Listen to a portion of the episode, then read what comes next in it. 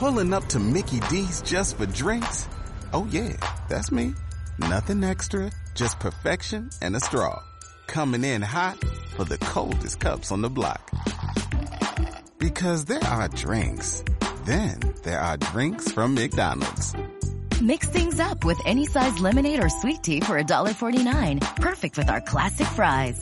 Price and participation may vary, cannot be combined with any other offer. Ba da ba ba ba.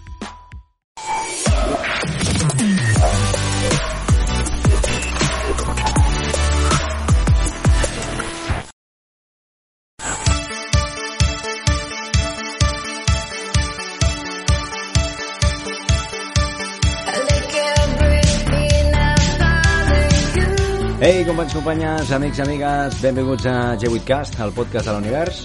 Avui hi ha l'última edició de l'any i la quarta de la temporada. La temporada, podríem dir, de la consolidació i acceptació.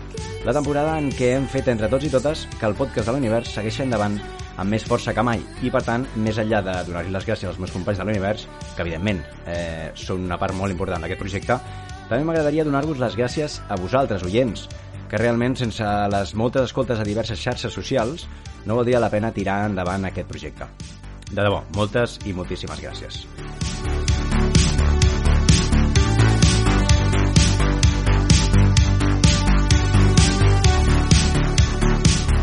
Va, i un cop feta l'entradeta us posaré en context sobre el que farem i com anirà el programa d'avui.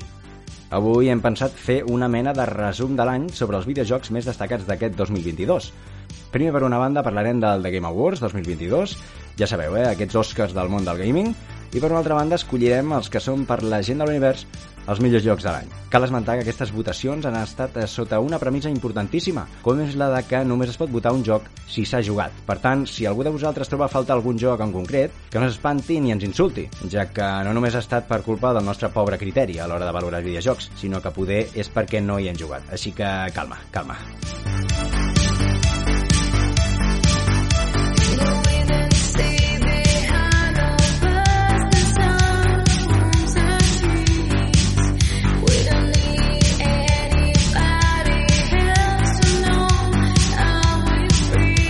Vinga, som -hi. I després de tota aquesta xerrameca, anem a presentar els components que tindrem avui a taula, va. Per una banda tinc el maquinista de l'univers, el Massi. Què tal, Carlos? Com estem?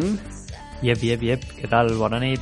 Bueno, bona nit. Eh, com sempre, aquí les gravacions nocturnes que fem del podcast crec que ja són conegudes per tothom. I molt bé, molt bé. Encantat d'estar una vegada més aquí amb vosaltres, comentant les cosetes del que més ens agrada i, bueno, final d'any eh, toca parlar de Games Award, com, com sempre.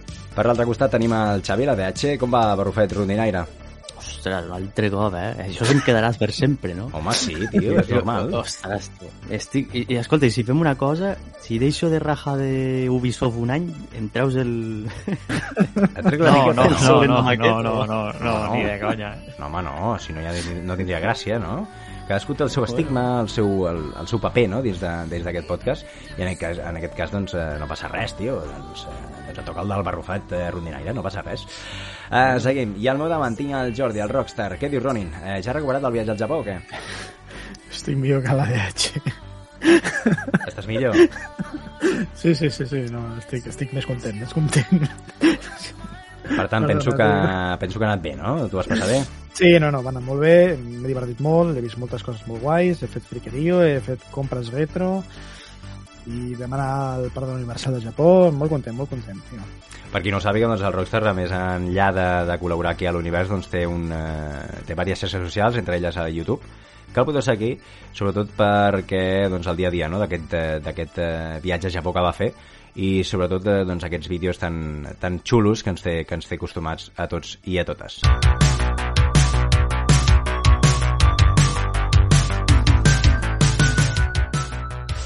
Doncs va, comencem el programa d'una vegada i per totes, parlant de la gamma de la gala dels Game Awards 2022. Bàsicament, el que creiem nosaltres més destacable ja siguin eh, les molt primers dels jocs, els premis i la gala en si. Si us sembla, farem una primera ronda perquè diguem el que ens ha semblat la gala, a grosso modo així en general, i després doncs, ens anirem centrant cada cop més en els premis i, i, i a les sortides eh, doncs, de, de jocs i què ens sembla doncs, tot plegat aquest eh, festival, per així dir-ho d'alguna manera, eh, a tots nosaltres. I per començar parlant de tot plegat, li passo la pilota al Mashi, que junt amb un servidor va estar fins a quarts de... sí, quarts de sis de la, de la matinada seguint en directe aquesta gala des del Twitch de l'Univers. Oi que sí, Carlos? Eh, què en penses? Què et va semblar tot plegat? Bueno, doncs sí, sí, com, com has dit, vam estar cinc horetes ben bones fent, fent directe. Ens ho vam passar bé per això, no? Que vam, vam riure mogolló. sí, sí, sí, estic recordant ara moments que ens van passar entre birra i birra. O sigui que va estar guai, va estar, va estar una gala bastant completa i crec que va estar molt millor que l'anterior, sobretot respecte al timing, a, a la matraca, entre cometes, eh, d'anuncis de, de, de jocs, sobretot. Eh, van intercalar molts anuncis amb, amb premis eh, amb, que crec que va ser de menor rellevància a major rellevància. Mm -hmm. Perfecte. I, I què en penses d'aquests eh, jocs? Comencem a parlar, si us sembla, una mica dels, de les novetats dels jocs, de les World Premiers que van de, destacar o, o, que ja, o jocs que ja sabien o que ja sabíem que s'estaven a punt de presentar o que s'estaven treballant i, i diguem a veure les que ens semblen més, més destacables, no? Comença tu mateix. Exacte, sí, potser per posar una miqueta d'ordre, no? doncs eh, podem fer això, llistar alguns dels anuncis destacats o els que més o menys creiem que, que cal esmentar i després ja anem a parlar una miqueta de, dels premis. Mm. Doncs, bueno, jo per començar bueno, faré una llisteta de, de coses que tinc per aquí apuntades que van sortir bastant interessants com, eh, per exemple, l'Hades 2, no? segona part d'aquest mítiquíssim indie que ja va guanyar el GOTY i bueno, no ens han donat data, no, no, no s'ha especificat res en concret, però és una molt bona notícia. Va sortir un tràiler allà amb, amb personatges de, de la primera entrega i, i bueno, eh, tot apunta que seguirà una mica la línia de, de la primera part, no? que ja és superpositiu. Després penso que um, estaria guai esmentar el DLC de Dead Cells Returns to Castlevania. Fan un cross aquí amb, amb Castlevania. Hosti, és veritat. I, és veritat. Sí, exacte. I, mm -hmm. bueno, eh, és un DLC que està dintre de l'univers de Dead Cells, amb el que entenc que, bueno, eh, va, sort, va ser un trailer cinemàtic, però jo entenc que va, sortiran escenaris de Castlevania o no sé si sortirà algun personatge jugable com el Simon de, de Castlevania. No sé, mm -hmm. veurem. Perquè veurem. el Dead, el Dead Cells hi va jugar, tu? Jo sé que el, crec que el Rockstar sí, no? No, jo encara no he jugat, tio. Molt bé, vinga, 1 a 0. Uh, doncs, hòstia, doncs creia que sí. Tu hi has jugat, Massi? No, no l'he jugat. El tinc pendent de fa mil anys. He vist 50.000 milions de gameplays, però és el típic joc que, no sé, fot anys que dic, l'has de jugar, l'has de jugar, i mai trobo el moment, no sé. No sé. Eh, Diuen que és a la llista, però té tants DLCs que estic esperant a veure si surt una versió així saps? Eh, tot incluït, tot, in, tot inclòs. Hi ha una, hi ha una que té el, tot, tot el contingut, però clar, ara ja t'han anunciat el Castlevania. Eh, exacte, clar. però aquest, un altre... aquest joc, perdona, que, que et talli, eh, és, és bastant difícil, no? Per exemple, a mi no me'l recomanes d'entrada, no? Clar, és que depèn del... Però tu vas jugar al Hollow Knight, per exemple, no? Sí. Eh... I, i va fer 10 hores. 10 hores, correcte. Oh, oh, oh. Vale, vale, correcte. Vale. Bueno, eh... Això que és un pal o què és? Com, com ho he de considerar, això? doncs sí, qualsevol persona que deixi el Hollow Knight a mitges... No, no, tio, no sé, sóc un covard, vale. No, no mereix gaire cosa. Bueno, Molt bé. Eh, hòstia, ara no recordo si està al Game Pass o no, perquè li fotis una, el Dead Cells sí que està, eh? Sí que hi era. Si no l'han tret, estava, eh? Sí, sí no? En principi sí. Porta, sí, sí, sí, crec sí. que des de, des Porta molt temps, l'inici dels temps. Sí, sí, sí, sí, molt temps. Sí. Des de l'inici dels temps, eh? Vale, doncs, eh, doncs mira, apuntat, me l'apunto aquí mateix. Vale, guai. Què més?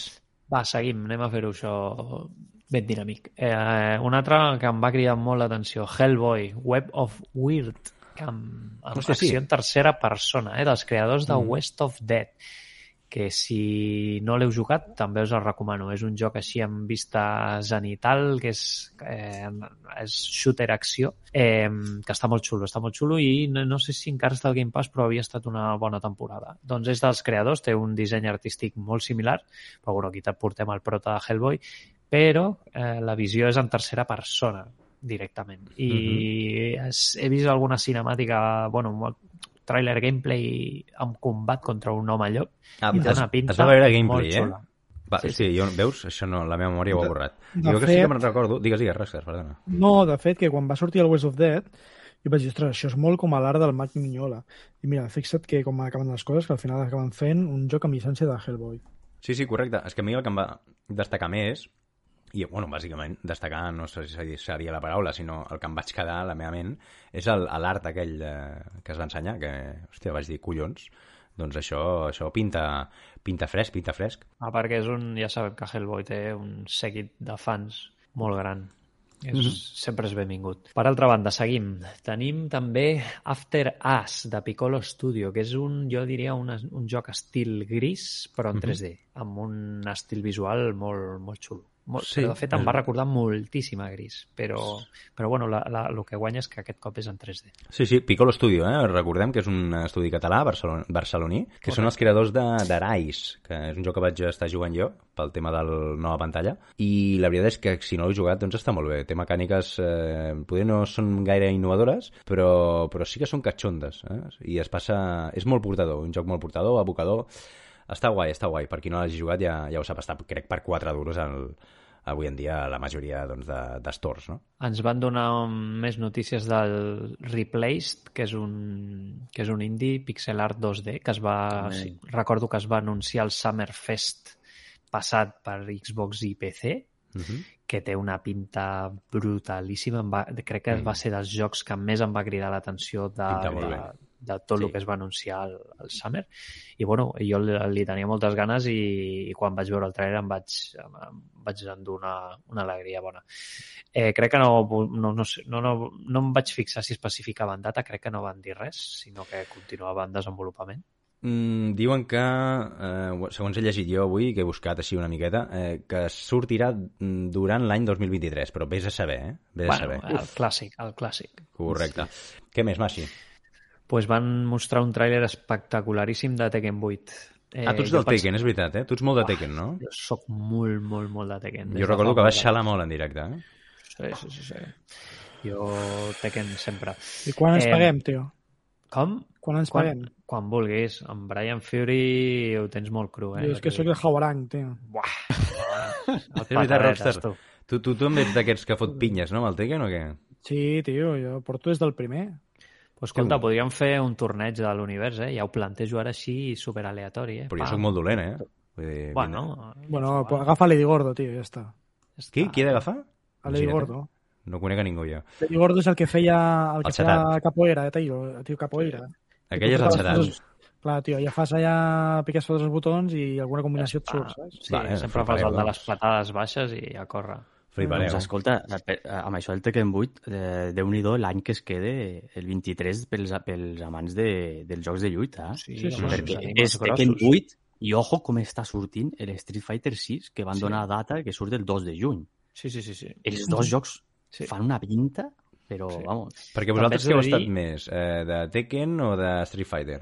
Uf, una pregunta difícil, eh? Que per això que és pare o mare? Perquè, per mi no. Crec, per mi no, jo Tekken abans que Street Fighter. Jo crec Street que Fighter faries... hi vaig jugar molt al Super Nintendo, bueno, a la seva època i tal, però després ja no, no li he seguit tant el, el rastre. Eh, després vaig canviar a Tekken i vaig seguir molts anys amb Tekken. I tu, ADH?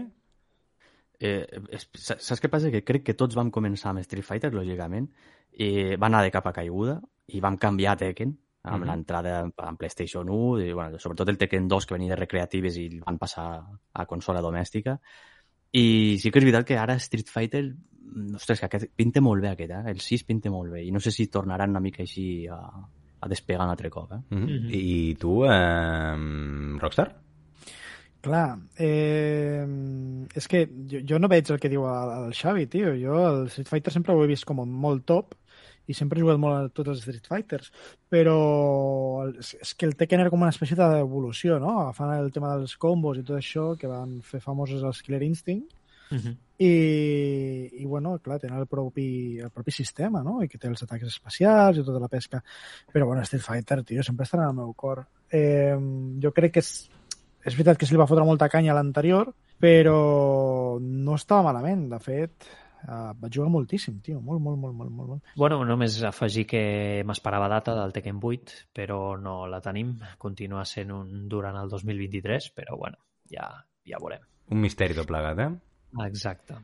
Bé. També un altre anunci molt xulo, el Judas, el nou joc de Ken Aquest, aquest. Levine, Aquest, que és aquest. el creador de Bioshock, i de fet té una bastanta similaritat, no? Bioshock, eh, vam Mm. veure una miqueta de gameplay amb màgies i l'entorn ja artístic i tot ja una miqueta steampunk barrejat amb màgies i, bueno, eh, res més a afegir, no? Eh, si ja segueix la línia de, de Bioshock, doncs segur que serà un tros de joc. Crec que tampoc té data aquest. Mm -hmm. Està ambientat una mica eh, amb l'espai, no?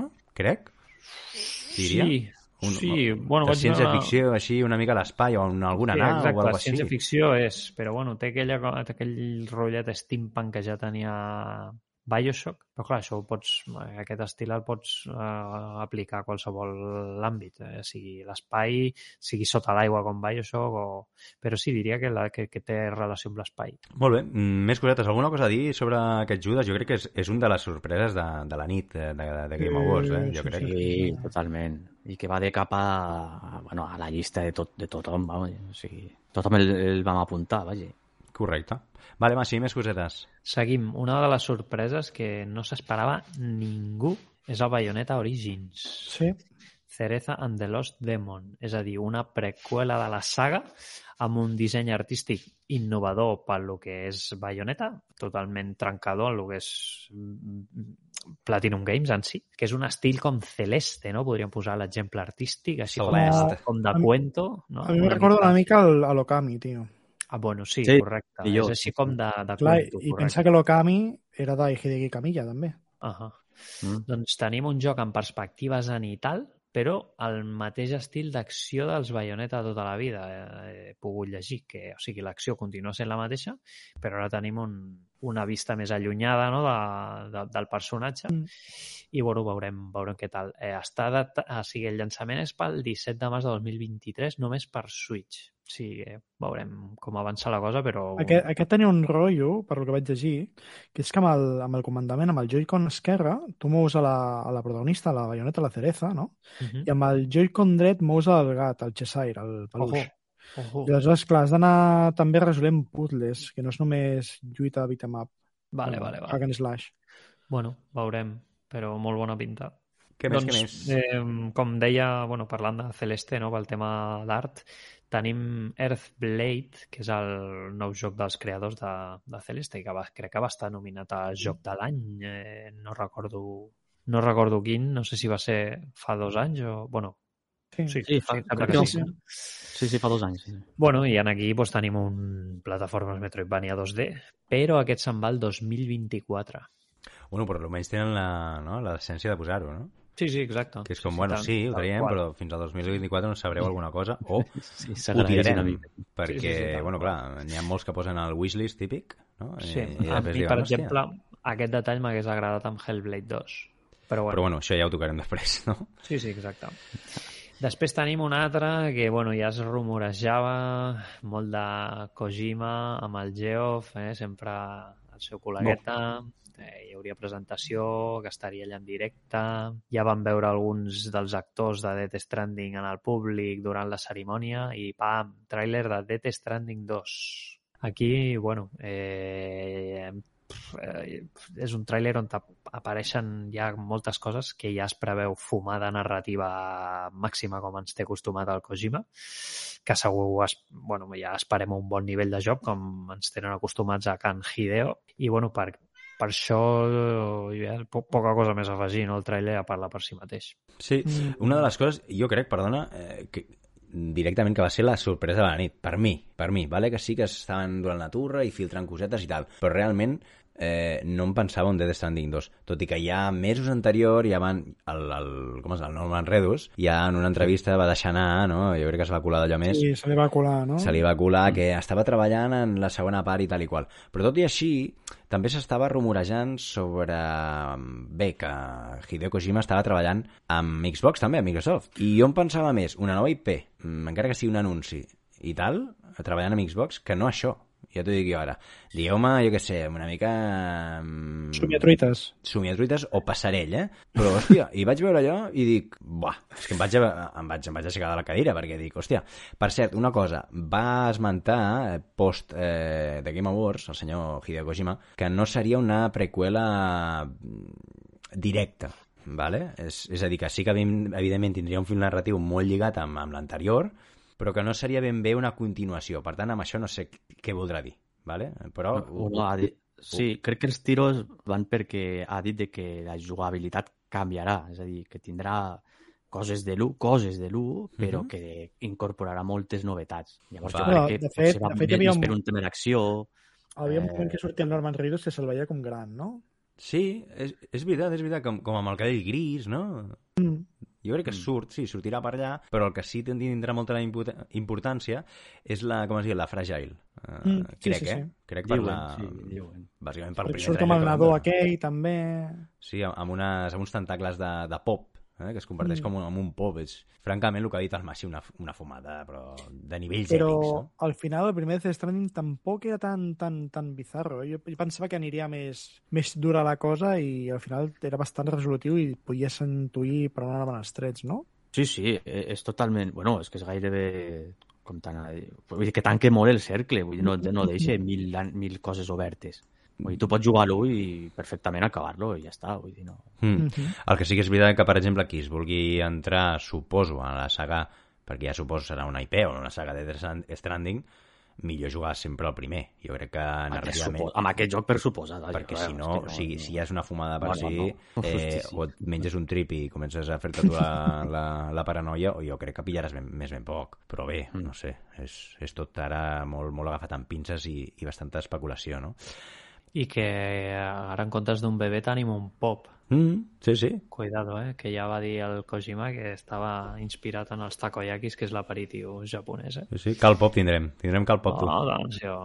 Bueno, seguim. Eh, data oficial de Baldur's Gate 3. Atenció, agost 2023, pels amants del rol. Eh, és un joc que crec que porta dos anys, si no m'equivoco, en Early Access a Steam. O sigui que... I també van anunciar l'edició col·leccionista pels, pels més fanàtics. De, bueno, és, Mm -hmm. Aquí tenim uns sabeu, quants. un, uns, uns dels reis, sí, sí. Després un altre esperadíssim, bueno, ja van anunciar-ho abans de la gala, però data oficial de Diablo 4, Aquest, 6 de aquest. juny. Aquest, aquest. Ja la gent que està fent el, el està jugant a la, a la beta està al·lucinant amb el, amb el joc. És Que, veritat, és veritat. que, que bueno, ni, ni el 3 ni hòsties, que se'n va directe al 2 i, i, i, i que, està, bueno, eh, que les similituds estan allà, el que és potència de, de, de Diablo pur i dur. Mm. Sobretot el que vaig llegir jo va ser eh, bueno, que, que torna no, el 2, que és una mica eh, narrativament i a nivell d'història doncs, més fosc, no? Que no el, Exacte. el 3, per exemple. No? I Bueno, això, eh, això és interessant. L'estil artístic ja també és, és diferent, torna als orígens, no? El, el 3 era així com una espècie de, com et diria, més cartoon, no? Mhm. I, i ara ja l'han fet més, més fort, més realista, Mm. més... Mhm. I res, bueno, eh, crec que el Xavi havia de dir alguna cosa del, del, del passe de temporada. Quin passe de que va temporada? veure- Que va veure les hores del passe de temporada, crec. Ah, és veritat, és veritat, sí, sí, sí, sí, que volia rajar el Xavi, no, de Diablo? Eh, Doncs vinga, aquí, sí. Bueno, aquí sí, tens... sí, sí, Per, per això et dic que eh, Barrufet rondinaire, tio. Eh? Per què és com Ja, aquesta? però, però, Però hi ha d'una No, vidilla, hi ha, hi ha d'una vidilla. Jo no et critico, jo no, simplement poso els adjectius. però, si- a veure, vosaltres esteu d'acord o no? És que, clar, a vegades... Explica, penso primer si explico sóc perquè la l'únic- gent que no l'únic ho que està d'acord. Primer explico perquè la gent que no ho sàpiga doncs, doncs tingui una idea del que bueno, estem parlant. a veure, és que, uf, que clar, no ho tinc davant, per això tenia, tenia la foto, no? I, i sembla ser que això, que, pel que vaig veure, eh, hi ha el joc i a part pues, anirà, anirà en passe de batalla, en passe de batalla que ja han dit, la notícia va sortir l'altre dia de que hauràs de jugar la temporada, la temporada seran unes 70-80 hores. Val? Llavors, eh, bueno, el Diablo no sóc un gran fan, però jo tinc entès que el Diablo sempre havia sigut que bueno, tu te'l compres i pots fer eh, online, no? O, eh, o sol, i fas la, la teva campanya o el que sigui i ja està. Ah. O sigui, té un inici i un final, no? I ara incorporen això i, i vaja, a sobre, pues, això, de pagament i... En fi, Però no sé, de, de pagament exactament el què? Jo t'ho dic per desconeixement pura, eh? Vull dir, eh, per la gent que no, que no sàpiga ben bé com, com baixa del passe de temporada, com és aquest, en aquest cas jo, què, què influeix en el jugador en un aspecte més aviat negatiu? Bé, és que clar, jo no sé com funcionarà aquest. Clar, és el que anava a dir. Eh, aquí És que... que- la clau és si seran només elements cosmètics que ja Eh, exacte, clar. I una altra cosa també et dic, pensa que en el Diablo hi ha el joc normal, el joc online, eh, diferents eh, activitats estil game, eh, en, eh, perdó, eh, endgame, que no em sortia la paraula, i després tens els personatges de temporada, que jo crec que aquí anirà lligat amb el, amb el Battle Pass que estàs comentant tu. Mm. És a dir, quan tu et fas un personatge de temporada, sí que pots optar a tots els objectius eh, cosmètics que et doni aquella temporada. I si pilles l'edició col·leccionista et dona un salt de no sé quants nivells de, del passe de temporada, em sembla que 20 o alguna així. Vale. Però bueno, jo diria que no... A veure, al final no és, és res que et doni un avantatge respecte als de més sempre i quan sigui un passe de batalla que vagi lligat al nivell en el que tu has d'aconseguir jugant al joc. Mm I al final són elements cosmètics que, bueno, perquè al Sí, final el ah. drop és el que és i, i l'has d'aconseguir Sí, jugant. no, no, no, Haurem de veure, però no m'agraden les, me- o sigui, les dinàmiques que agafen aquestes coses. Jo sempre me les miro primer amb una mica de distància i després ja... No, sí, no, sí, no. està clar, està clar. Parlem està clar, parlem clar. Res al peu, tio. Com el Fortnite, ja està.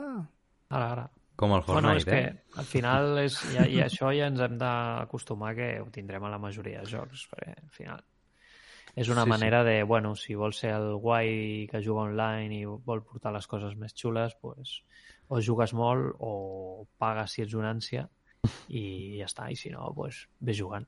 Molt bé. Eh, més coses. Vale, doncs passem del Diablo 4 a The Lords of the Fallen, que han ensenyat un nou tràiler, crec que no han donat data, però bueno, és la continuació del Lords of the Fallen, Mhm. que, que bueno, ja sabem que aquesta gent ja, ja feia estil Souls, crec que abans del, del Dark, no? No, Però- A mon germà li agradava molt, tio. Sí, o què? li... Sí, sí, li va agradar moltíssim, tio. Llavors que és un rotllo Souls? és un? Souls, és un Souls. Sí, és un Souls, i art- artísticament té molt bona pinta el que van ensenyar en el tràiler. Mm. Sí, sí. Eh, us motiva això? Us motiva aquest, vi, aquest eh, joc o què? Sí, sí, sí, i tant. A No. mi, bueno, a mi sí, a mi sí, a mi mi no. sí em crida, eh?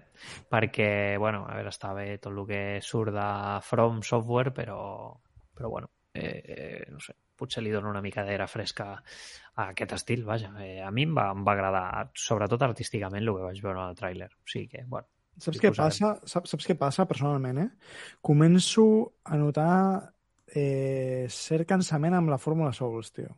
Sí.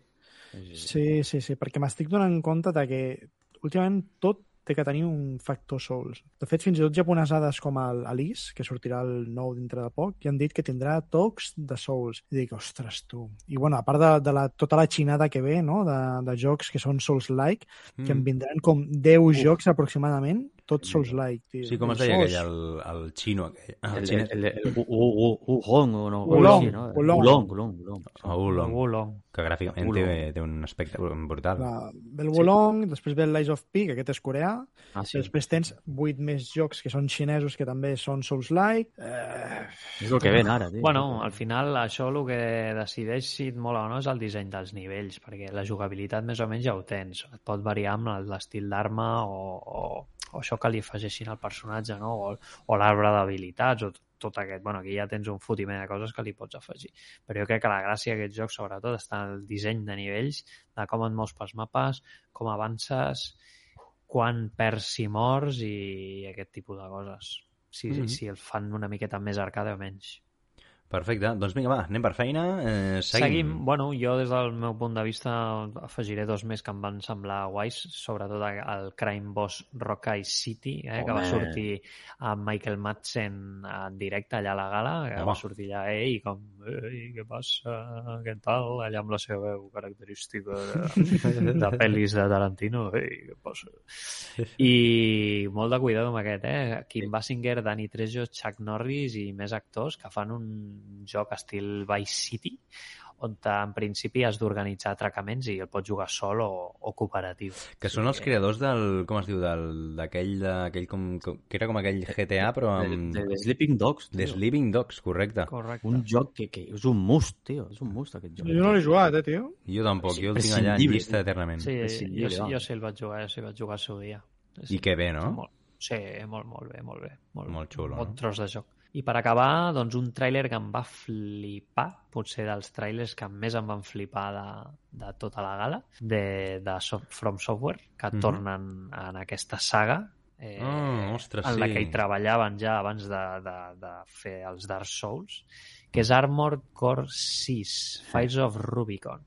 O sigui, jo eh, crec que eh, quan estaven fent en directe la gala, estava el Rockstar i va comentar és l'Armored Core, i jo, hòstia, clar, no vaig relacionar els mechas, i clar, al veure From Software dic, hòstia puta, i sí, sí, és veritat que aquesta gent ja feia això abans de, dels Dark Souls, i bueno, com ja sabeu, joc de mechas en tercera persona i el trailer espectacularíssim amb, amb data de llançament durant el 2023. O, ojo amb aquest perquè pot ser que la gent s'emporti o, eh, o moltes alegries o moltes decepcions Bueno, és, joc. no, no deixa de ser un joc de nínxol, eh? A mi em fa mandra, exacte, eh? exacte. Ho dic, per, Eh, ex, ho dic perquè ara, amb el tema de From Software, la gent, la, la gent Bueno, anirà, anirà a sac a comprar-lo Sí.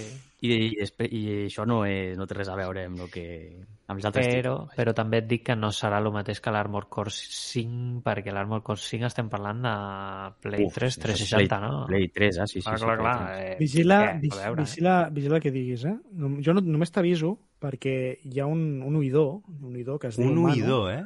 Sí. No un oient, no, un oïdor, tio. Un oïdor sí. és com Sí, sí, un sí. monstre, però de les oïdes, no? Sí. Bueno, és, és, és, un monstre, és un monstre pel roig, d'acord? És un monstre pel roig, que és el Manu, i que és molt fric dels Armored Core, tio. Hòstia, doncs d'aquí una salutació al senyor Manu, que per cert va tenir el seu moment de glòria també en el The Game Awards. Es eh? devia fer un pallot amb el tràiler, ja t'ho dic. Eh, el tràiler és molt guapo, eh? Sí. Molt, molt guapo. Eh? És- És, és- meca pur per tot arreu, eh? És, eh, doncs, és una saga que aquí a Europa ha passat sempre de puntetes, de fet. Sí, molt. Sí. I a veure si amb aquest es consolide o... Bueno, Bueno, no- és que de fet els, els jocs de mechas aquí a Clar, Europa, aquí més enllà del. Metal Gear Solid, sí. ah, Sí, sí, sí. Em, jo dic el tema del Manu perquè, bé, i ara si voleu, ja ho en parlem més endavant, és el tema del Jedi, el Survivor. Eh, Ah, sí? el- Sí, L'actor sí. l'actor és, el, és, el, és el, el, Manu. sí, el de és. Shambles. Sí, és veritat, eh? Sí. És ell. Correcte. En sèrio, és ell. Vull dir, és ell. No és ningú més. Cal castis, tio, cal castis, tio. És en Castis, tio. És en castis, tio. Des d'aquí ja dic una salutació forta i agradable al senyor Manu, vull dir, però, hòstia, s'ho tenia ben, ben callat el, el molt puta. Eh, en fi, eh, per la Hem part del perdut Manu... un, un, un oient, hem perdut un oient. Hem perdut un oient. Bueno, mira, no, home, no, no, home, no, ja sap que sempre doncs, doncs eh, ho fem amb, amb, amb gràcia, no?, una mica. Eh, per part del Masi, la llista ja està feta. Passarem directament a la llista de la DH, que poder serà més curteta, bàsicament perquè doncs, doncs entre vosaltres us trepitjareu. Doncs, eh, Sí, doncs, m'agradaria mira, afegir una eh, cosa abans de l'AD. Que- Ui, digues, digues. L'última cosa, després de repassar des del meu punt de vista tot el que van anunciar, eh, què ha passat amb Xbox eh, al The Games Award? Però Bueno, que no ha passat. 22. Que no ha passat. Ho vols tocar ara o ho toquem després? Així en general. Bueno, com vulgueu, com vulgueu. Ho, Bueno, però jo avanço, un perquè diferent, no? Eh, jo sóc seguidor de la marca i vaig portar una decepció molt gran, perquè tenen molts jocs a la cuina que, ostres, jo porto esperant en candeleta... A la cuina o al rebost, ja eh, poder, de ja Benquín. ja es passen, ja es passen amb, amb, el, amb el fum. Però bueno, eh, si voleu comentem més tard. No, comentem-ho ara, ja està, ja, ja has posat la primera Bueno, és que, eh, és que Xbox només va anunciar el Game Pass per les, per les teles i el Replays que surt de Game Pass Day One eh, on està el Hellblade 2 on està mm, tot, tot el que porten anunciant des de fa Fable, temps Everwild, Fable, Fable. tio. Bueno, l'Everwild van tenir el problema aquest que està, van reiniciar no, el desenvolupament. Mm, crec que és, Fable sí, Bueno, no, l'Ever- l'Everwild, l'Everwild. ah, vale, l'Everwild és aquell títol que volien passar a última hora a un Real Engine 5, pot ser, o alguna així? No sé, poder, poder No ho sé, no ho sé, però és que no donen informació tampoc. Després, fot exactament un any, a la gala anterior, van anunciar el Perfect Dark, tampoc se sap res més. Eh, jo penso que tenien motius per ensenyar coses. Mm. Si més no, la gent ho esperava, eh? I Exacte. que la gent ho esperi d'aquesta manera i, i, i amb tantes candeletes i al final tu, per part de bueno, una gran marca com és Xbox i barra Microsoft, no ensenyar pràcticament res de l'esperat, doncs sempre... Eh, no sé si d'alguna manera pot perjudicar, no? Eh, Sí, bueno, també afegir que Phil Spencer ja va fer un comentari després de... A la, bueno, a la mateixa gala crec que el van entrevistar ah, i va dir que sí, que ell sentia molt... ah, que, bueno, que, que ell és, eh, és conscient de que Xbox no ha tingut presència a la gala, Mm. però que 2023, bueno, la Serà història l'any, no? sempre... Clar, però és que ja portem com diu a mínim mateix, dos anys sentint això. L'any Ja. que ve, tal. Bueno, mira, per, 2022. per almenys va donar la cara, tu, escolta'm, no? O què? Sí, Jo, jo, vull, jo vull donar una, trencar una llança a favor de Xbox. Vale, és Aquest que any, faltava el punt de trencar la llança del Rockstar encara no havia Clar, arribat, per tant, clar, clar, vinga, clar, la llança d'avui, quina és? llenço la meva llança de Longino, tio, perquè, a veure, aquest any és veritat que no han sortit supercoses, però a mi personalment m'han guanyat el cor només amb el túnic i em van guanyar el cor, tio. Hòstia, sí, i al final, pobre, no es van dur res, eh? Sí, Sí, sí, sí, exacte. Eh, Això ara va el tema premis, ho, ho parlarem. Sí. Eh, però, bueno, sí, a, a mi, per exemple, l'Scorn em va molar moltíssim. Però, bueno, clar, és que el tema és que les grans IPs en la que porten invertint des de fa, no sé si ja fa 4 anys, com a mínim 3, eh, uf, no, no sabem res. Jo sóc molt fan de Hellblade i pff, eh, és que no, no he vist res. És que no sabem res de Ja, Hellblade, però, eh? però, però també, o sigui, no, no, no, és per, o sigui, no és per defensar-ho capa i espasa, però sí que tinc la sensació de que no és només Xbox, sinó que també en Play passa una mica, no? O sigui, surten un, dos, tres eh, grans jocs i, i hi ha com una espècie de, no sé, de llac, no? Que no se sap... Bueno, a veure, sí, les grans IPs ja sabem que costa molt desenvolupar-les, costa molts diners, les empreses han d'invertir molt i han de saber que allò tindrà uns beneficis molt grans, perquè si no, no els hi surt a compte.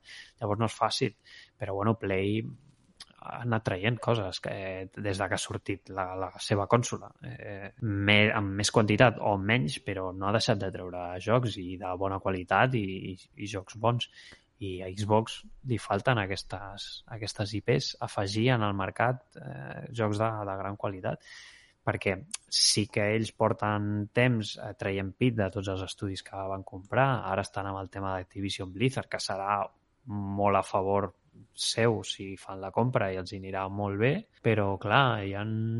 jo com a seguidor d'aquesta marca trobo a faltar eh, jocs. Eh, 2022 ha sigut molt pobre i, i si 2023 serà realment el gran any de Microsoft, a la Games Award havies d'haver ensenyat coses o haver donat dates o...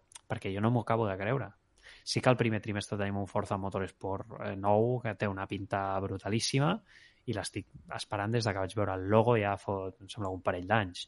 Però em falta, a mi em falta, em falta cosa, em falten dates, em falta concretar més, més no sé. Mm -hmm. Completa, completament d'acord. Eh, passem al Xavi. Xavi, quina és la teva, la teva llista, la teva wishlist? Doncs mira, jo eh, un, tres o quatre tinc per aquí, que és- veig Home. que s'ha deixat el Masi. I, i, però mira, començo per, per la passada que m'has fet abans, del Mhm. Manu, i, i parlo pues, això, del Jedi Survivor. Del Manu, eh? O sigui, ja quedarà com...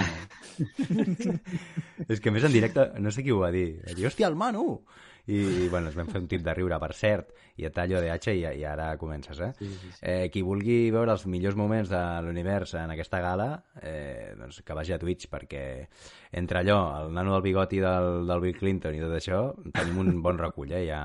Cal dir-ho, cal dir-ho. Vinga, digues. Doncs res, el Jedi Survivor, que ens van donar, a part d'un tràiler boníssim, la data de sortida, que és el 17 de març, Uh -huh. Val? Eh, què, es, què es va veure? Doncs, bueno, per, eh, es va veure un tràiler que dona la sensació d'un joc mm, que estigui més compacte que el primer, o sigui, ja només el tràiler ja es veu que, que els ha donat més temps a, a poder fer algo més, més complet, no? I, i a part també han dit de que incorporen novetats de la jugabilitat com ara les, les postures. Hi haurà eh, fins a cinc postures diferents, que això suposo que ho han agafat del Tsushima, no? Sí, té pinta, no? I, sí, té pinta, Què, totalment. què vols dir postures? Sí, que segons l'enemic... Tu has jugat al Tsushima, no? Crec.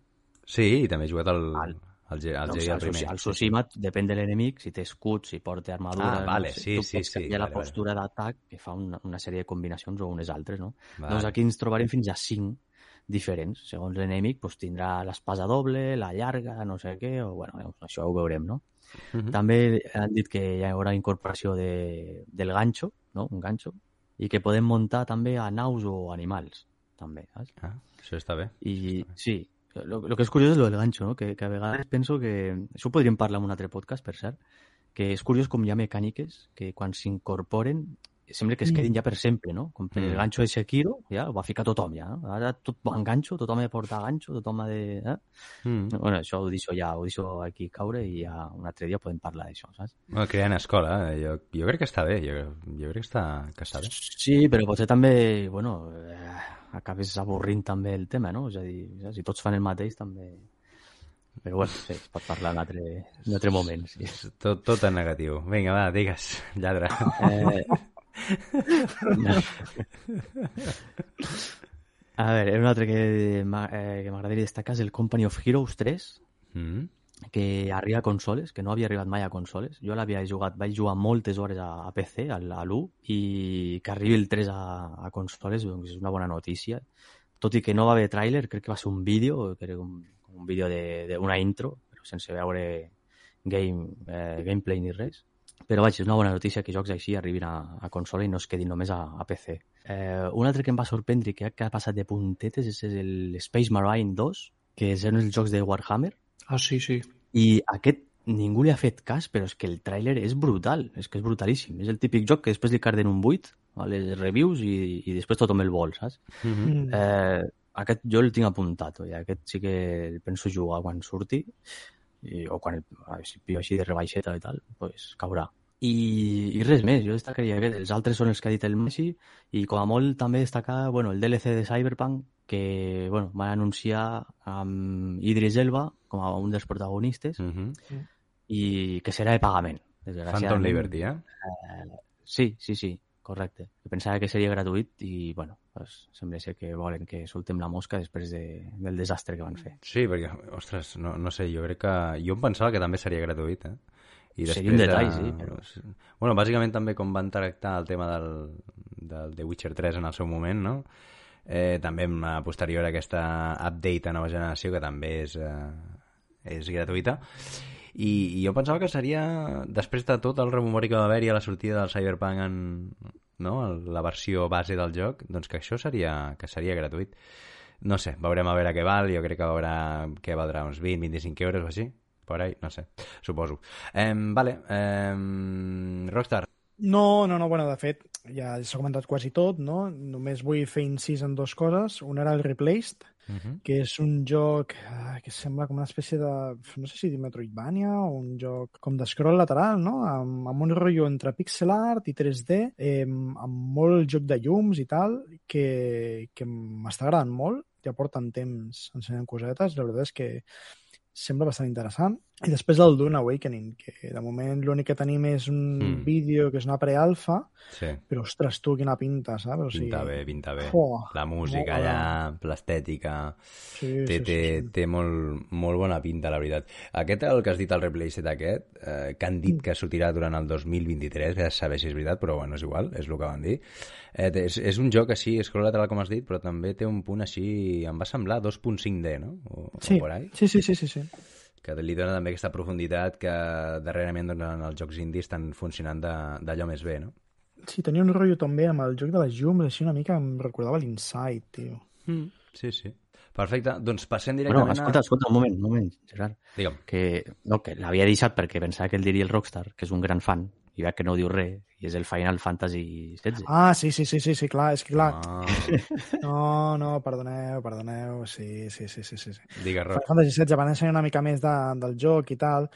Jo tinc, tinc pors i esperances amb aquest joc. Tinc pors perquè hi ha un gran problema, és que el dissenyador és el dissenyador del Final Fantasy XI, Final Fantasy XIV, si no erro és el del Background Story també, i els personatges em semblen molt tots NPCs, tio. Això no m'acaba de fer gaire gràcia. Després del gameplay que han mostrat, deixa molt a banda el sistema típic JRPG per torns i Mhm. sembla més un, un hack and slash. Sembla que han anat agafant aquest estil que van començar a posar amb el 15, que després amb el Final Fantasy VII Remake van, van seguir adaptant, i aquest rotllo, i després amb els eidolons, eh, que són els, les invocacions, també tindrien com certa importància en les baralles, en les lluites, eh, com de, de, de l'ordre militar, una, altra, en una altra ordre militar.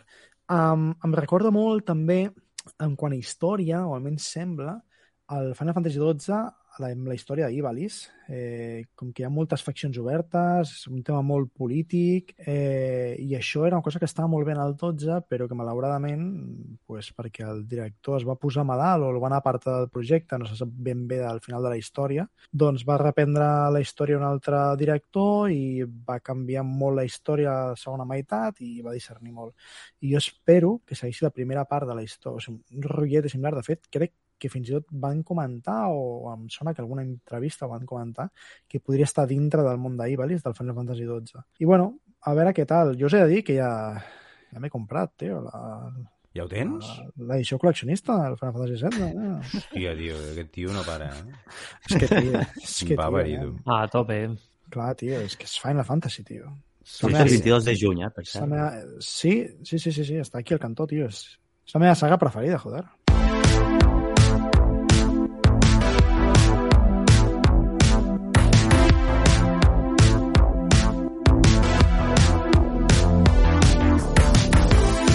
Doncs queda, queda dit, eh, el tema dels jocs eh, i les World Premiers que es van eh, haver-hi en aquest The Game Awards 2022. I ara passem, si us va bé, i si no també, evidentment, a parlar directament dels premis que es van otorgar, que per això es feia la gala en principi, en aquest mateix The Game Awards del senyor eh, Geoff Keighley, o si més no és el que presenta i tal i qual. Eh, un dia investigarem qui és aquest home, mm, d'on ve i tot això, perquè va aparèixer aquí eh, com un bolet eh, i bé, eh, ha creat això doncs, que si més no ens té tots una mica doncs, eh, bueno, encuriosits eh, direm, i ho deixarem aquí Primers premis, si us sembla, faig així una repassada llarga de tots els premis, vale? ràpida, i després la, la, la comentem. Eh, comencem amb el joc més anticipat, que és de... m- més anticipat, eh? o sigui, mm. es diria així, que és el de Legend of Zelda Tears of the Kingdom. Eh? Sí, són premis superinventats, eh? Sí, sí, sí això més anticipat, tio. Què és, què, és, què és aquesta merda de nom, tio? A, a, aquest seria com El joc poder- més esperat, no? Sí, el més el, el desitjat. hype, el goti al hype. el GOTY al hype, no? Doncs, eh, salvando el Zelda, que no sé si vosaltres teniu molta xitxa, bueno, molta espera, suposo, suposo que sí, no? Home, sí, jo sí.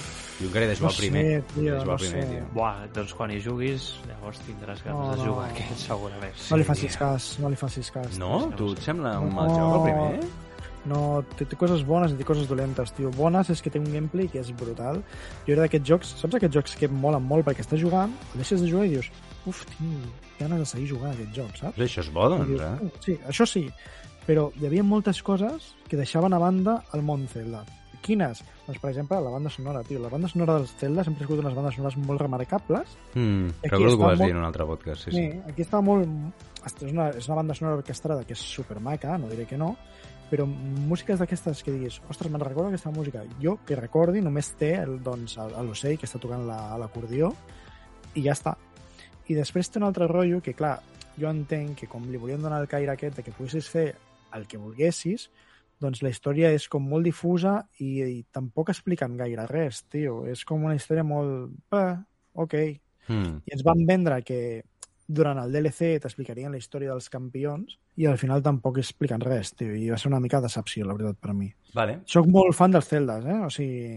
Sí, sí, que, clar. que, parles amb, que parles amb criteri, eh? Sí, sí, sí. No, Vale. Que no és que, no és que sigui... No, no, bueno, soc un hater, no. no. Suposo que passa una mica com també com haurà passat amb els God of War, no? Que un fan típic dels God of War, dels Hack and Slash antics, amb aquest nou potser es va trobar una mica, pues... Meh. Perdut. Pot ser, pot ser. Hi ha crítiques, hi ha crítiques també. Tot i que, per l'altra banda, doncs, està el típic jugador com ara jo, que no l'havia jugat mai. Em vaig calçar les botes al primer i el, el segon ja us ho diré després, perquè... pff, En fi, mm, estic aquí, mira, ja m'estic tocant. Pell de gallina ja m'està entrant, eh? Vull dir, però, però bueno, em sembla una autèntica bogeria. Però bueno, en fi, seguim. Millor debut indie, Stray, eh? de Blue 12 Studio i Annapurna. Eh, aquí també estava l'anomenat abans el Tunic, eh, però al final se'l va endur a l'Stray. Eh, en principi se'l mereix. Eh? Estem aquí tots d'acord, sí? Però, però per què creus que es l'han portat ell? Per què creus? Sí, tu l'has jugat, no? Sí, l'he Ho vas jugat. fer el directe, me'n sí, recordo. he fet la sèrie, Jo- sí. Jo crec, jo crec que va ser més perquè se li va donar més rebombori que no una altra cosa.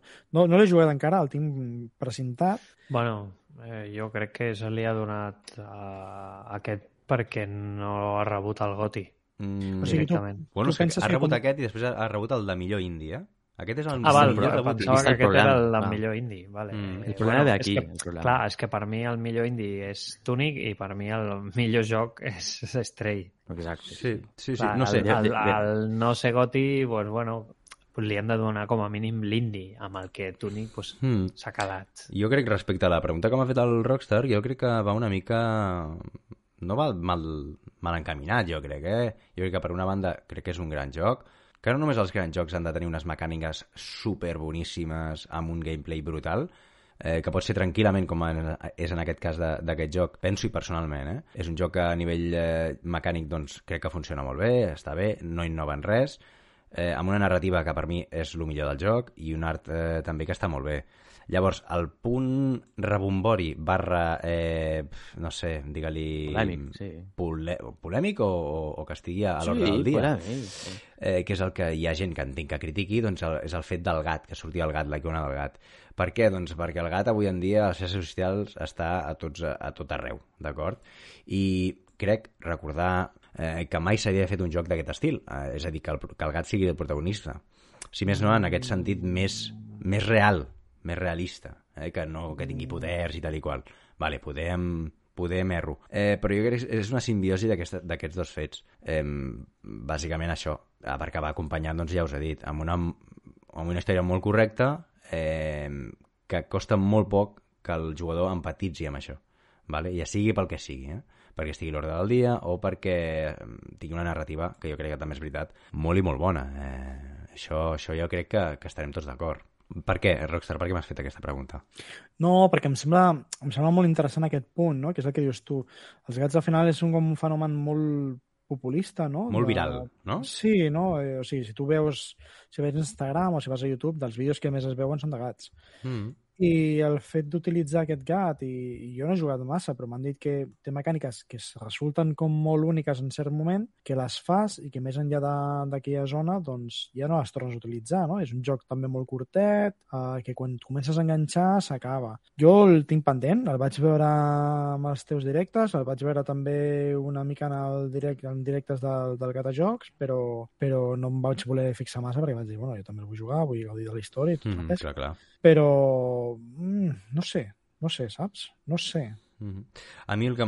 Si, si em donen a, a resumir aquest joc, és un joc complet. És un joc que comences, l'acabes i et quedes doncs, satisfet. Que per mi això ja és, ja és molt, venint d'un indie també, i, i et dona una experiència diferent.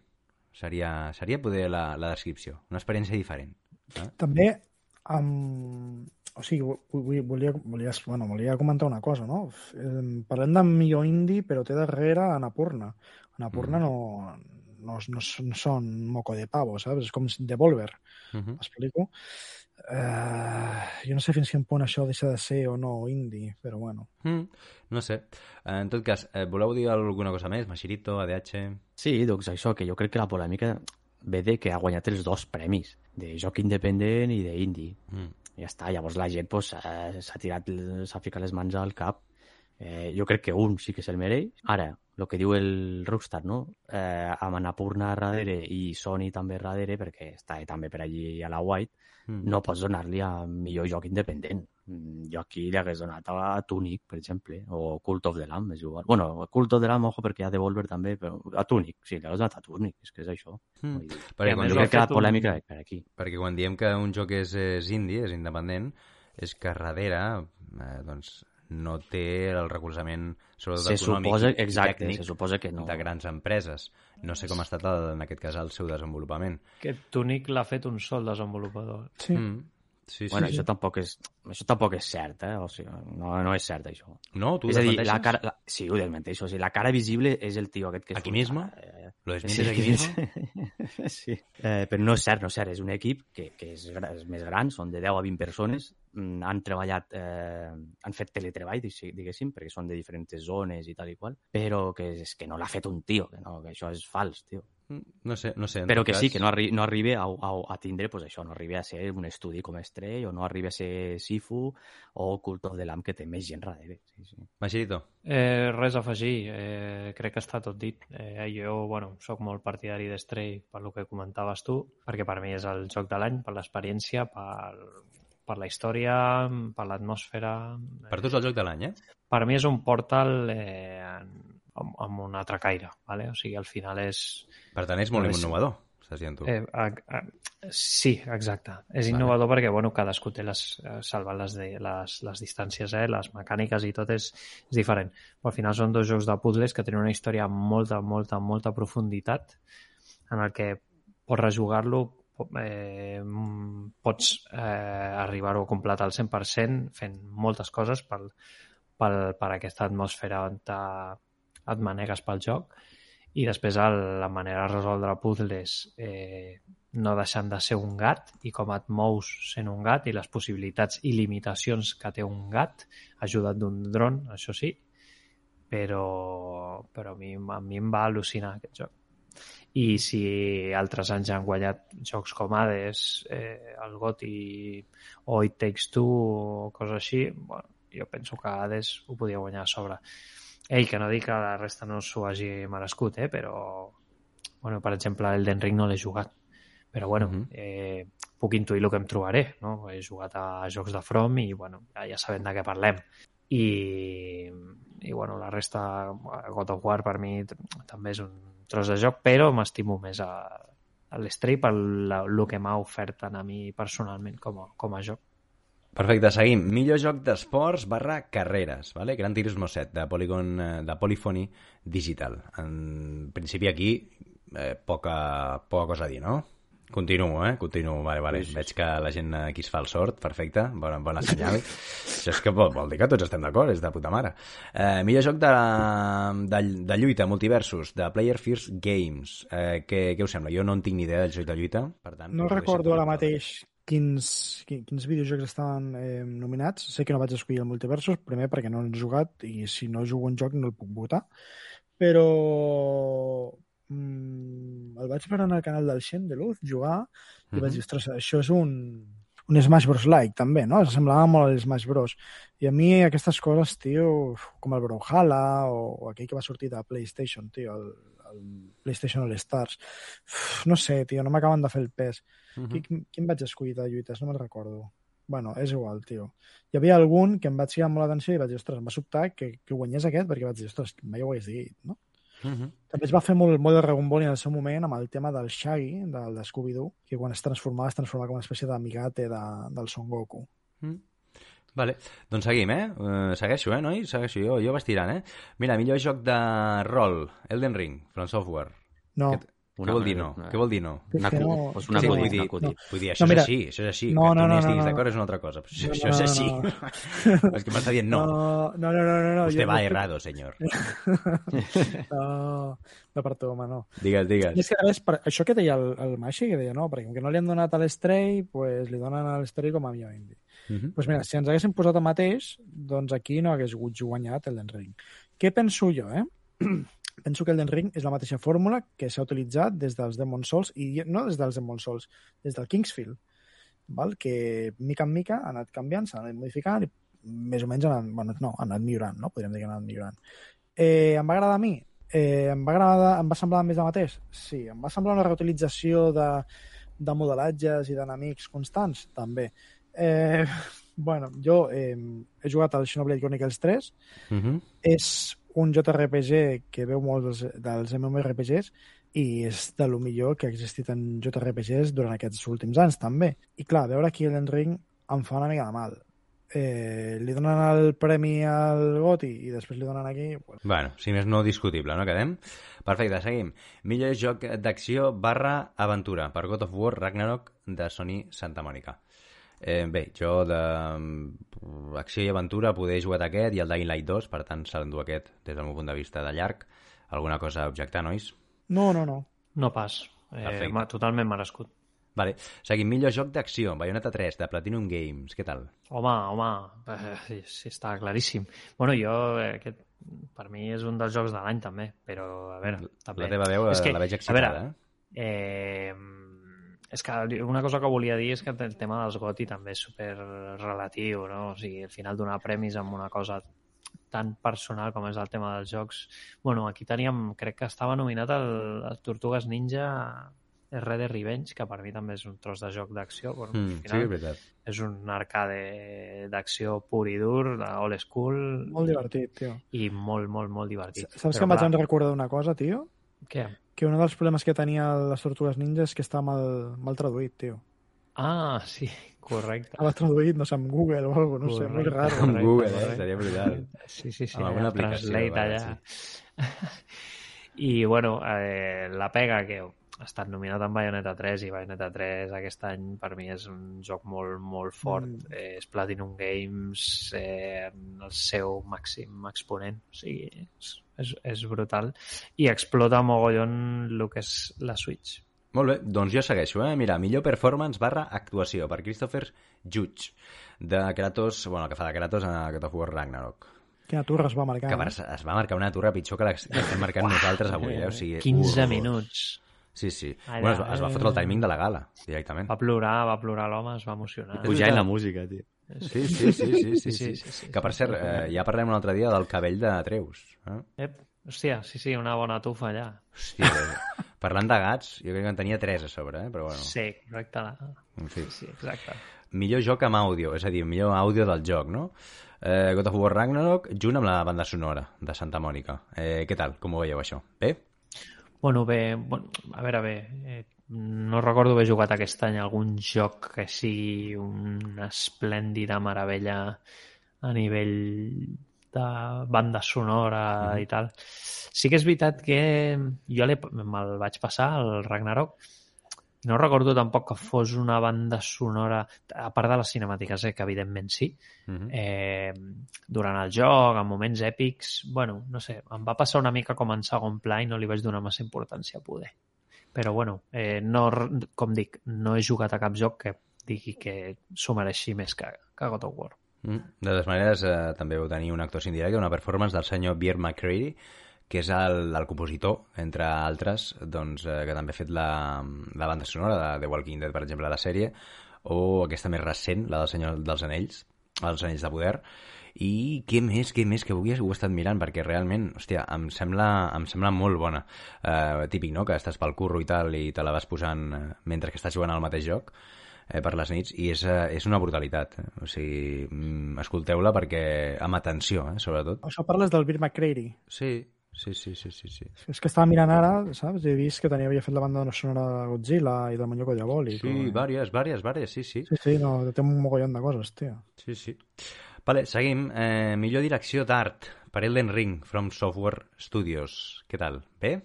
Home, jo crec que sí. Té. Aquí estava nominat també Sí. Scorn, cal dir-ho. Sí, però no, home, no. Um, Però poder, Home, és, més, és, de, més, més de nínxol aquell art. Però, A veure, hòstia, Déu-n'hi-do, eh? eh, Poca broma. Eh, Scorn té una direcció d'art brutalíssima i jo vaig... A mi em va sembla molt bona. flipar molt, però vaig gaudir-la molt. Però clar, crec que no Ah, es pot no. comparar a la mida de, de, del nen del, del Elden Ring, tots els paratges i clar, tot el daura, que són els enemics, daurats, no? enemics, Els perquè al enemics, final el canvi de colors d'enemics. es, Escorn, es, Escorn, tu treus a lo que és l'escenari on tu camines, que és espectacular i és el millor del joc, i els enemics tens, crec que dos Cinc. o tres models eh, Sí. i ja està, o sigui, para de comptar. Scorn Clar, el tot Ring, en- tens els enemics, els bosses, els paratges, on te passes, eh, bueno, infinitat de... és un món brutalment immens, o sigui, no, no, Mhm. crec que no es, no, es, no es pot comparar. Tot i que Scorn eh, ojo, eh, perquè és que és, és molt bo també, però clar, és que no es, no, no, es poden comparar. Mhm. Vale, uh, millor narra- narrativa en el joc uh, per God of War uh, God of War, eh? God of War Ragnarok de Sony Santa Mònica per mi, dels que he jugat jo junt amb a Black Tail Requiem vale? estem parlant de la narrativa del joc eh, crec que està ben donat no sé si vosaltres teniu alguna cosa a dir Ets un pipero. és així, és així o sigui, jo estic jugant És que no, no he jugat, no he jugat al Ragnarok, flipant, vaig jugar el primer, flipant. vaig jugar el primer i vaig pensar que aquest home tenia un petit problema de, de, de control de la ira, tio, i, i després Pues li, que- donava, li, li donava exemple al seu fill dient hijo, tienes que tener un temperamento más templado després de fotre-li d'hòsties a, a un personatge, saps? O sigui, Però és que aquest dos, aquest dos eh, va molt més enllà, tio. Fes-me cas. Sí, no només és de Kratos, és de Kratos i... És, és raro que aquí no guanyés el Den Ring, tio, perquè va participar el George R. Martin, diuen. Sí, però crec que la sí, narrativa no, no és el seu fort. Eh? No. Diuen, Crec eh? que no. Diuen, eh? En No, no, jo, jo, jo, sí, jo també crec que és molt, és molt bona la història de God of War perquè crec que puja un esglaó més a lo que ja es va veure al, a l'anterior entrega. Eh, com es manega cada un dels personatges, com continua amb les històries paral·leles de cadascun d'ells i, bueno, eh, sobretot, i l'èpica del final, eh, nous personatges, està tot superbé. No, res a dir, és res a objectar. Mhm.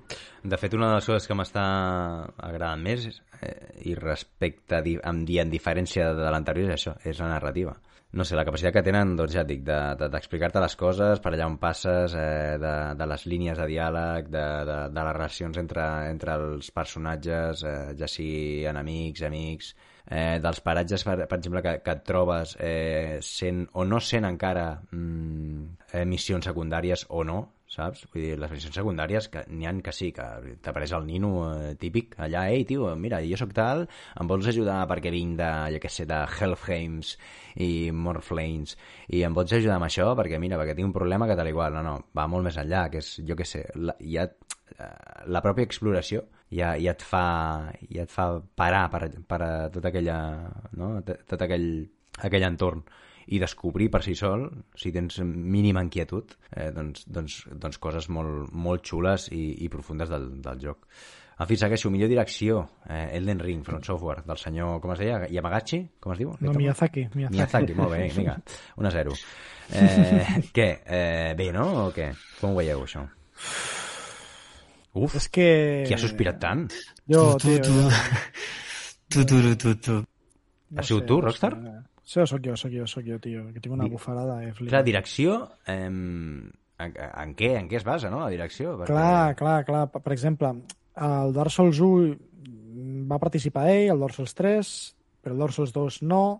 Hi ha molta gent que, que és contrari al Dark Souls 2, però hi ha molta gent que li agrada molt més que els altres dos.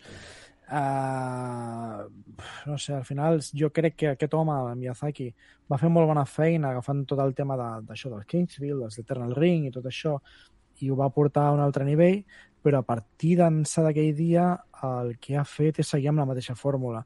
No sé jo si és la millor direcció com a tal. Clar, tampoc sóc un especialista dels, dels Souls-like, amb la qual tampoc puc parlar massa, però bueno, què sé. Bueno, ho deixem com per bo, no? Sí? Això al, al, al, a l'ADH que li agrada anar, que li va agradar molt l'Elden. És, és... Sí, sí, sí, sí. No, no, sí, ho vaig dir, bueno, està ficat a, al podcast, no sé quin número és del podcast. Mi L'últim molt, de l'any, de temporada, sí. Pot ser, sí. Em van sobrar 40 hores de joc o més, però fins a les primeres 60 hores el joc s'aguanta espectacular. Bueno, que tu el vas platinar, lladre. Sí, sí, per això t'estic dient. Vull dir, les Sí, per no agradar-te 60 no vegis. Que no m'escolteu, que jo no, vaig jo no dic que no m'agradi. Jo vaig dir que les primeres 60 hores el, del joc són espectaculars, tio. A mi em van agradar moltíssim. Però a partir de les 60 hores se, se li veuen les costures, i les costures són pues, repetició d'enemics, eh, mazmorres, eh, etc etc. O sigui, al joc li sobre mig mapa, Mhm. mig mapa li sobre el joc. Si el joc s'arri- s'arriba arriben a fer només eh, la meitat del mapa, mm, el joc seria, per mi seria fantàstic. Mhm. No agradar, vamos. Perfecte, queda, queda dit.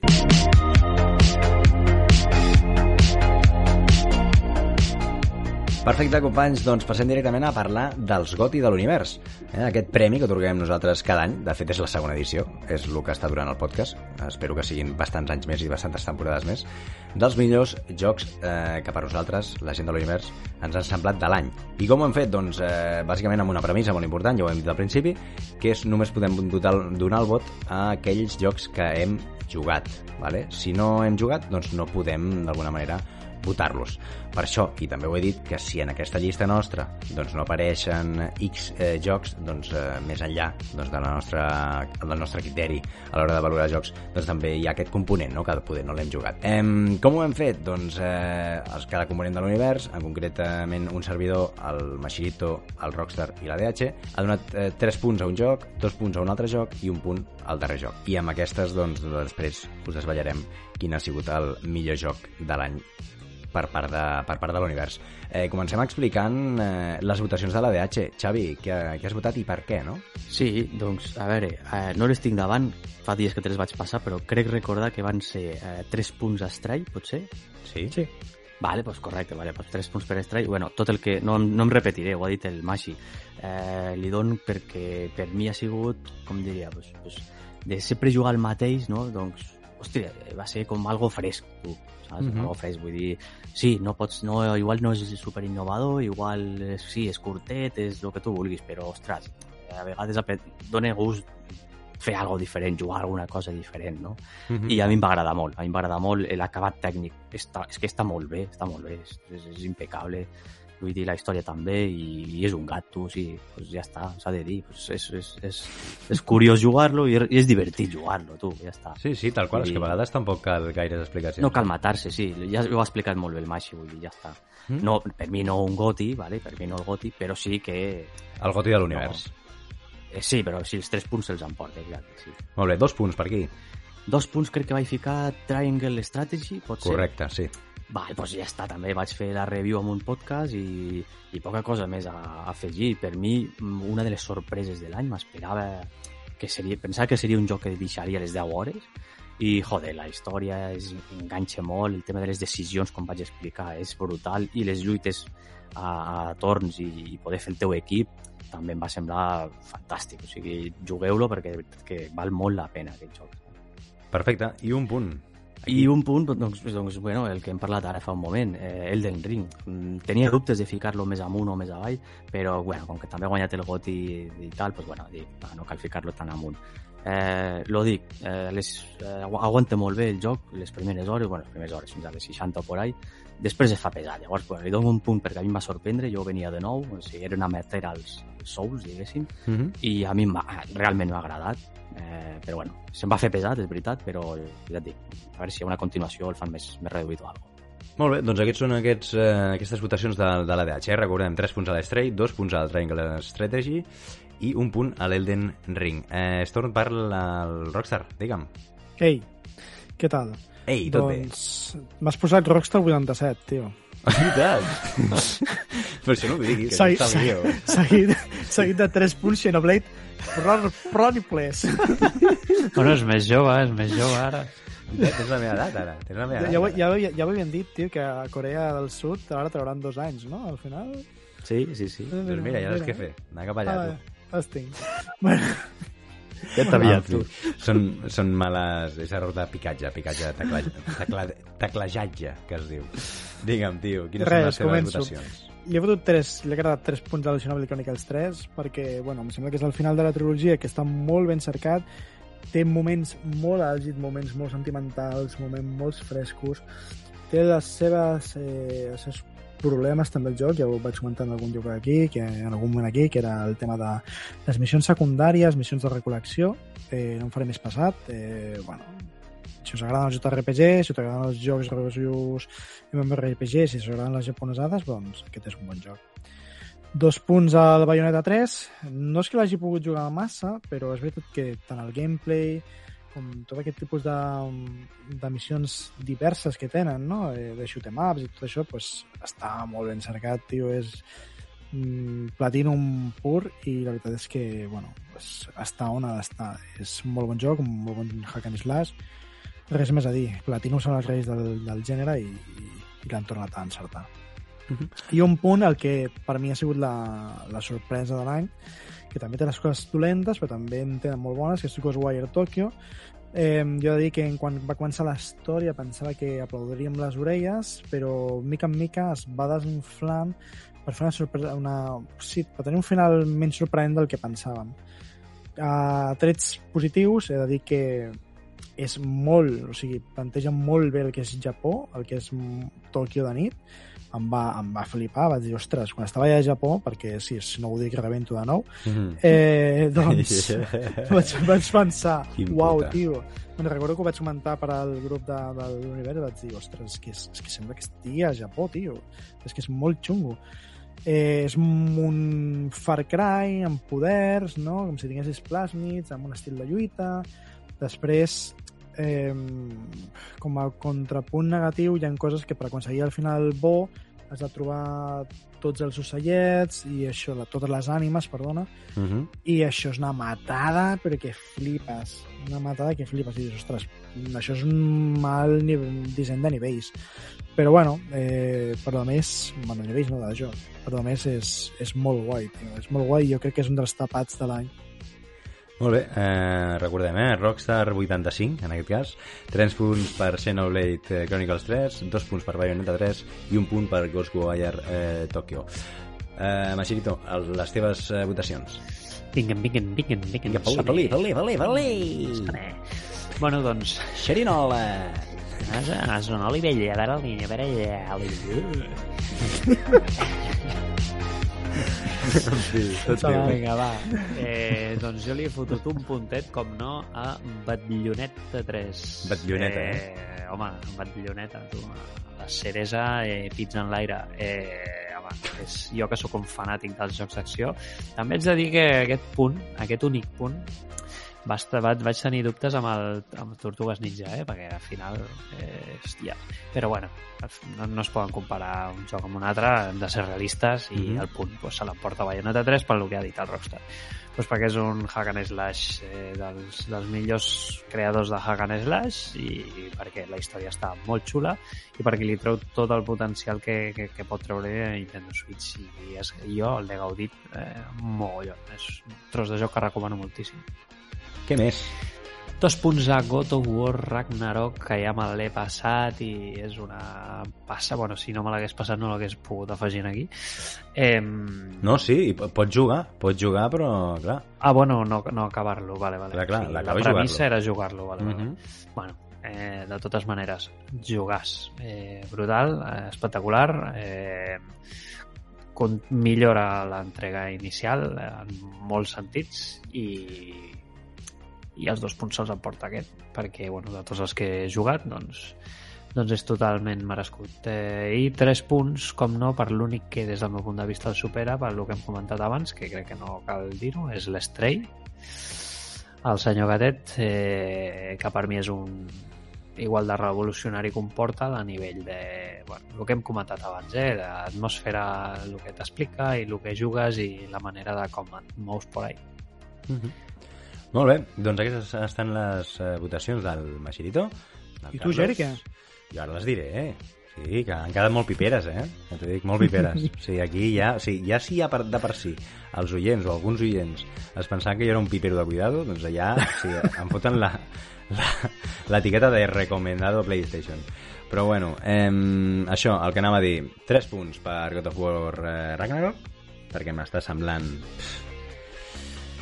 Bueno, és que no sé, no, no, no, sé, no sé com expressar-ho, la veritat, no sé com expressar-ho, eh, però a nivell tot, mecànic, eh, narrativa, eh, història, mm, m'està semblant eh, una autèntica mm, una autèntica obra d'art d'acord? Eh, és- i, aquí, i aquí bàsicament ho, ho deixaria. No l'he acabat, vale? ara mateix dec portar unes 19 hores, 20 hores de joc i no porto ni la meitat de joc per tant, més o menys, i diuen que dura 25 entre 25 no? I, i 30 hores? Doncs bueno, eh, doncs jo crec que em faré unes mínim 10 més, 10-15 més. Uh, l'estic gaudint moltíssim, la veritat. Uh, banda sonora esplèndida. Uh, jo crec que se'l va criticar també per una part no? Uh, criticar, o no, no sé si dir criticar seria la paraula, però sí es va, es va posar sobre la taula doncs, que, que era molt continuista Ostres, doncs en mecàniques, doncs segurament sí continuista, en mecàniques de combat, segurament que sí, però perquè és aquest és, eh, aquest és l'estil del primer. I és, una, és, una, és continuista perquè és la continuació, valga, valga la redundància.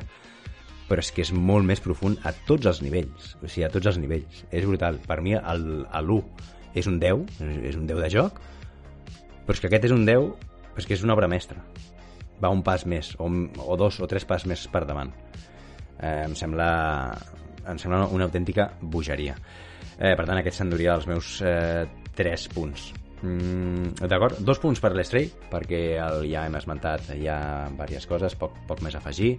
Eh, a mi em va sorprendre bàsicament perquè em va semblar molt, molt fresc vale?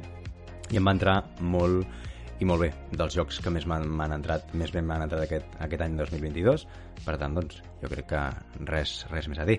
I un punt, eh, aquest serà el més, el més, el més xungo, no, no el més xungo, el més, el més polèmic, eh? que és el de Last of Us Part 2 Remake. O sigui, ja aquí se'm tireu tots a sobre, oh, és que és un remake, fill de puta, no sé què. Eh, jo feia 9 anys que no jugava aquest joc. Jo aquest joc, el de Last of Us, és, és el joc de la meva vida, és la saga de la meva vida, és el meu joc preferit de tots. Eh, però feia 9 anys que no el jugava. El vaig jugar en PlayStation 3 per primer cop, quan va sortir, i no, no el vaig tornar a tocar. Eh, molts poder sí que van jugar al remaster, molts el van rejugar moltíssim, eh, molts també suposo que el van jugar just abans de, de que sortís el 2, però jo no l'havia jugat. I poder per això m'ha sorprès, però no només a nivell eh, tècnic, eh, que jo crec que bueno, és Naughty Dogs i és PlayStation Studio, sinó perquè és de Last of Us, i punt, i, i no hi ha més, i té una història que em sembla sublim. És un dels jocs més, més ben acabats de tots. Té un inici, un final, sobretot el final, és que és, eh, no sé, el podria catalogar de... no sé, de comparant-lo amb, amb, els millors, amb les millors pel·lícules del cinema i tot, i de les meves preferides, com són vàries, no? I jo crec que, que amb això em queda. Uh, no, em va sorprendre, sí, és que és això, no? la capacitat que té de sorprendre el ser un remake. També és veritat que torno a dir, el, el, el vaig jugar fot 9 anys, però és que em va sorprendre.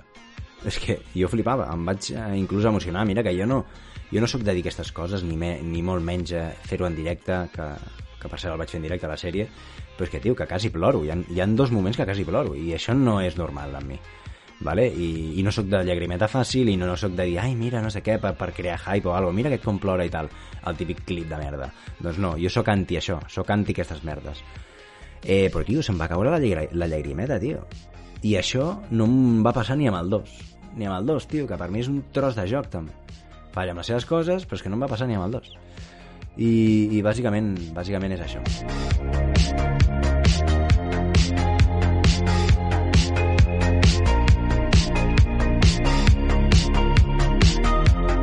Per tant, les votacions finals queden eh, de la següent manera. Bayonetta 3 amb 3 punts és el tercer classificat, God of War Ragnarok amb 5 punts és el segon classificat i el goti de l'univers d'aquest any 2022 és l'Estray amb 8 punts. Vamos! S'ha fet justícia. S'ha fet. A la frescor, a la frescor. A la frescor.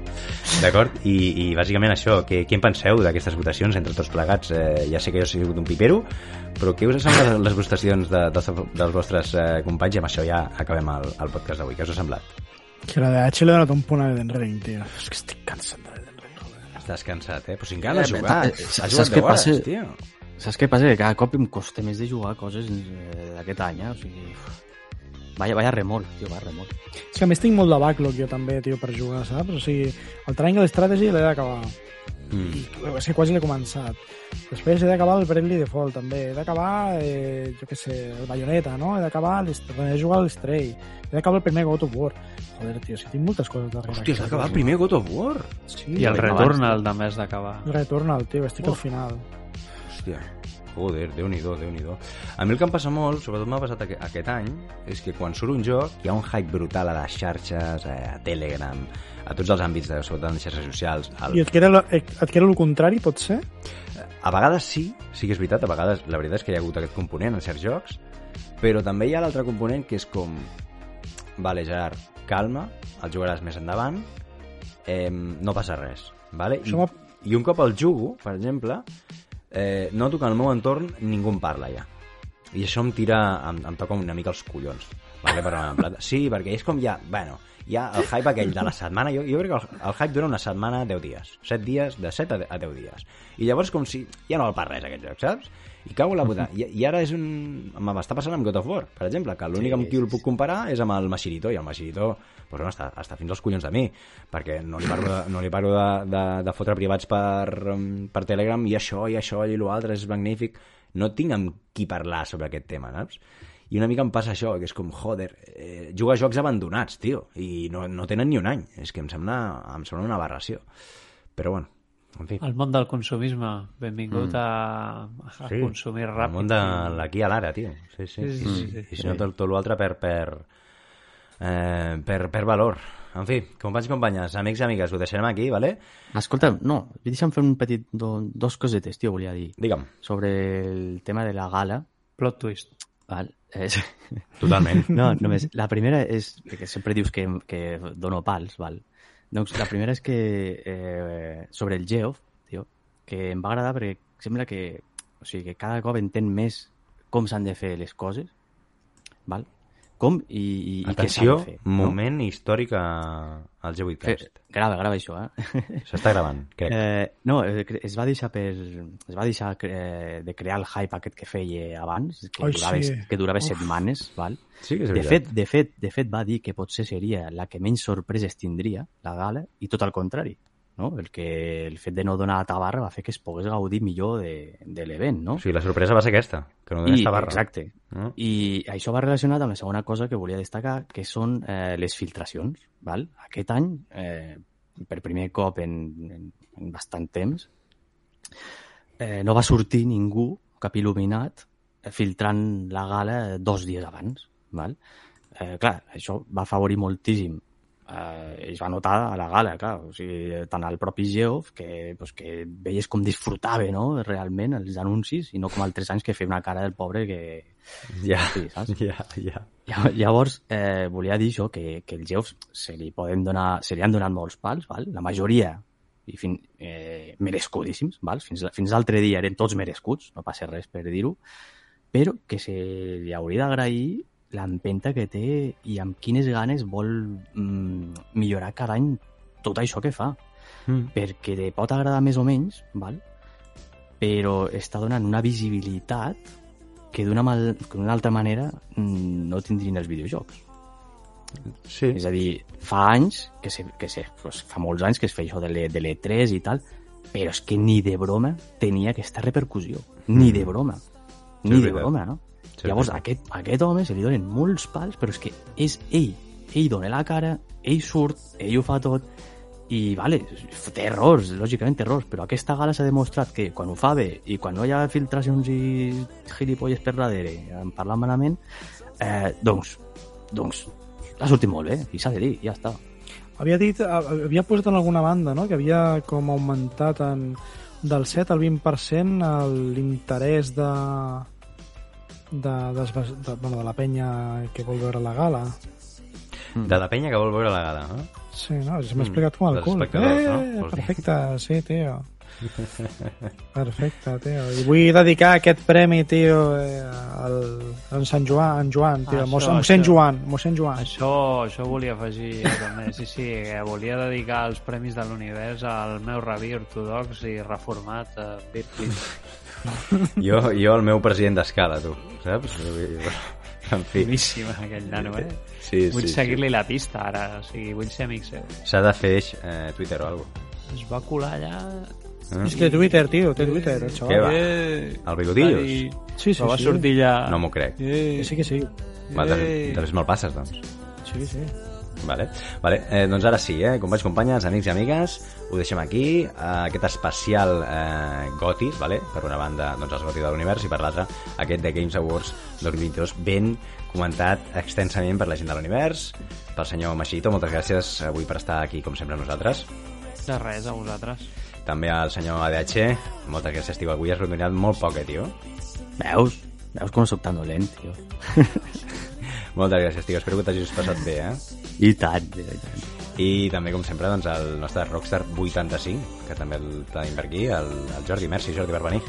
Sí, tio, de res. Avui he sigut més bon dinaire jo que no pas el Xavi, tio. Sí, és raro. És raro, és raro. Molt bé, i d'aquesta manera tanquem aquest any, d'acord? Amb aquesta entrega número 4 eh? del G8cast, el podcast de l'univers. Ens trobarem ja a l'entrada d'any de 2023, que espero que tingueu una molt bona entrada d'any a tots aquests oients que, que ens escolteu i que ens seguiu per les xarxes socials. Recordem Twitter, Twitch, Instagram i, com no, doncs YouTube. Que vagi molt i molt bé, molt bones festes a tothom i res més. Salut. Adeu.